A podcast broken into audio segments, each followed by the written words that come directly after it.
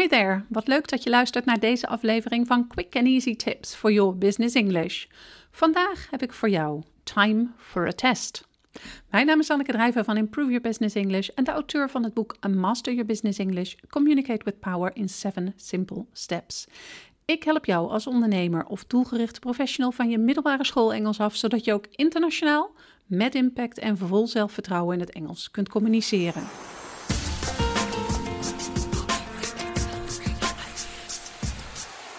Normaal gesproken geef ik je bij de podcast interessante en handige informatie over de Engelse taal. Maar vandaag is het tijd voor iets anders.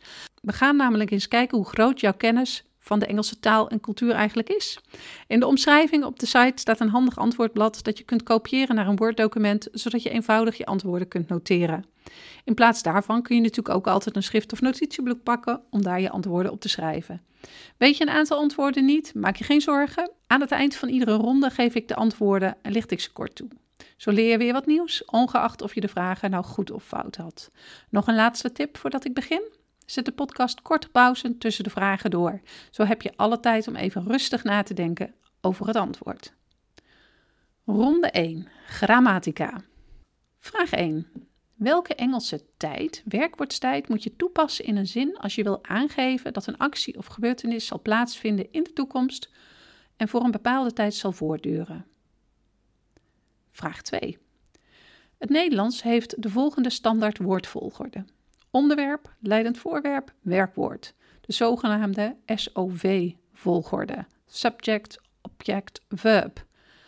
Wat is de standaard woordvolgorde in het Engels? Vraag 3. Ik ga een aantal woorden voorlezen. Jouw taak is om aan te geven of het lidwoord oftewel e of n is. Dus a of an. Hier komen ze. Apple, colleague, university, umbrella, euro. Antwoord op vraag 1. Om aan te geven dat een actie of gebeurtenis zal plaatsvinden in de toekomst en voor een bepaalde tijd zal voortduren, gebruik je de Engelse tijd genaamd the future continuous. Deze tijd maak je door will be te combineren met de stam van het werkwoord plus ing. Een voorbeeldzin is bijvoorbeeld: We will be discussing the matter during our meeting at 4 p.m. Antwoord op vraag 2. Het Engels heeft de standaard woordvolgorde onderwerp, werkwoord, leidend voorwerp. De zogenaamde SVO-volgorde: subject, verb, object. Dit kun je bijvoorbeeld goed herleiden uit de volgende zin: I saw that she stole Jack's lunch.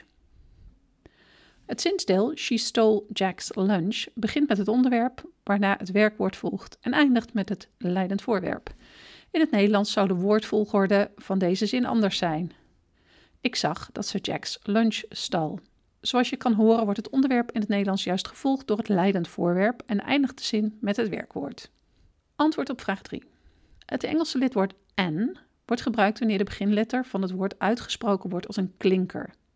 Het kan dus voorkomen dat een woord wel geschreven wordt met een klinker, maar dat de uitspraak begint met een medeklinker. Dan wordt het lidwoord e gebruikt. Aan de hand van deze regels is het dus an apple, a colleague, a university, an umbrella, a euro. Ronde 2. Etymologie. Etymologie gaat over de herkomst van woorden. De etymologie van een woord is dus de historische verklaring hoe een woord en de vorm van het woord tot stand zijn gekomen. Wist je dat er best een aantal Engelse woorden zijn die afkomstig zijn van de Nederlandse taal?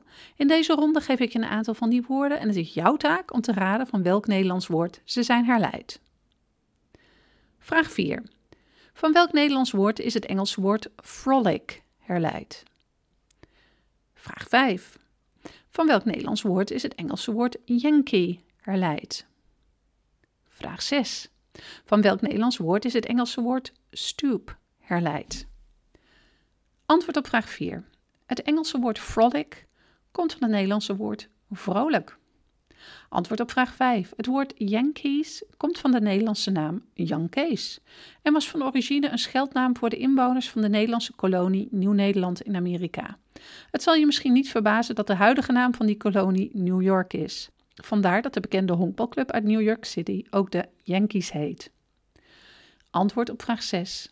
Het Engelse woord stoop komt van het Nederlandse woord stoep. In het Engels betekent stoep een klein trapje dat leidt naar de ingang van een gebouw of woning.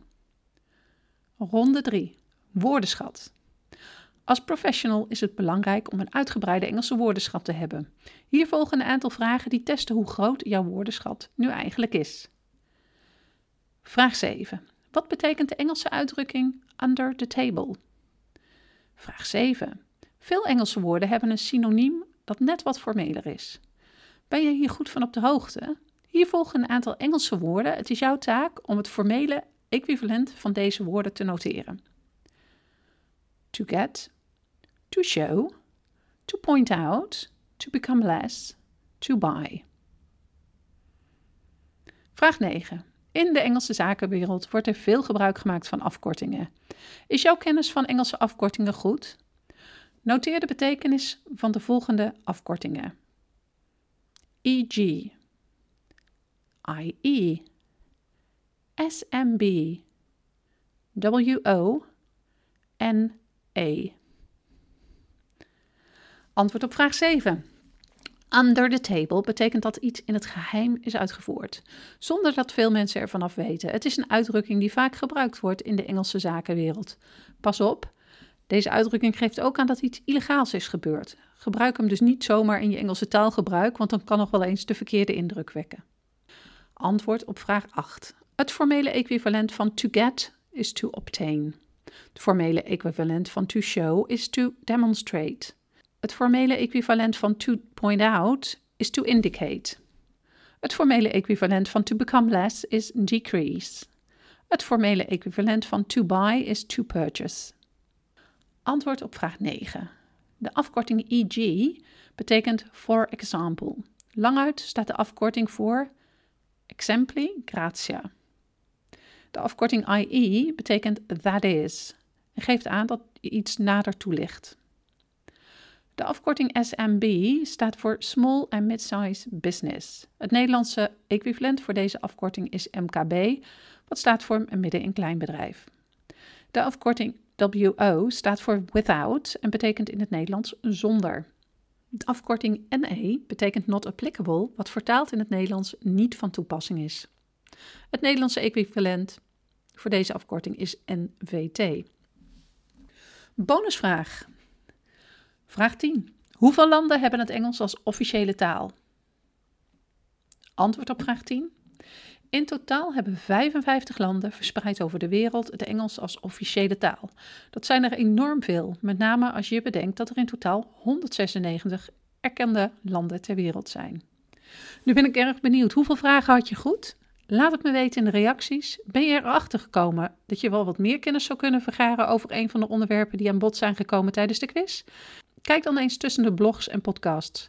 Deze behandelen namelijk een groot deel van de onderwerpen. Zou je graag meer kennis op maat krijgen? Kijk dan eens tussen de Improve Your Business English producten. Er zijn namelijk genoeg cursussen en trainingen die feilloos aansluiten op jouw leerdoel. Als je deze aflevering hebt geluisterd, zou ik het enorm op prijs stellen als je een review voor ons zou willen achterlaten op SoundCloud of iTunes. Dit helpt anderen weer om onze podcast te kunnen vinden en daarmee hun Engels te verbeteren. Ben jij op zoek naar meer manieren om je zakelijk Engels te verbeteren? Kijk dan eens op onze website www.improveyourbusinessenglish.nl. See you next time at quick and easy tips for your business English.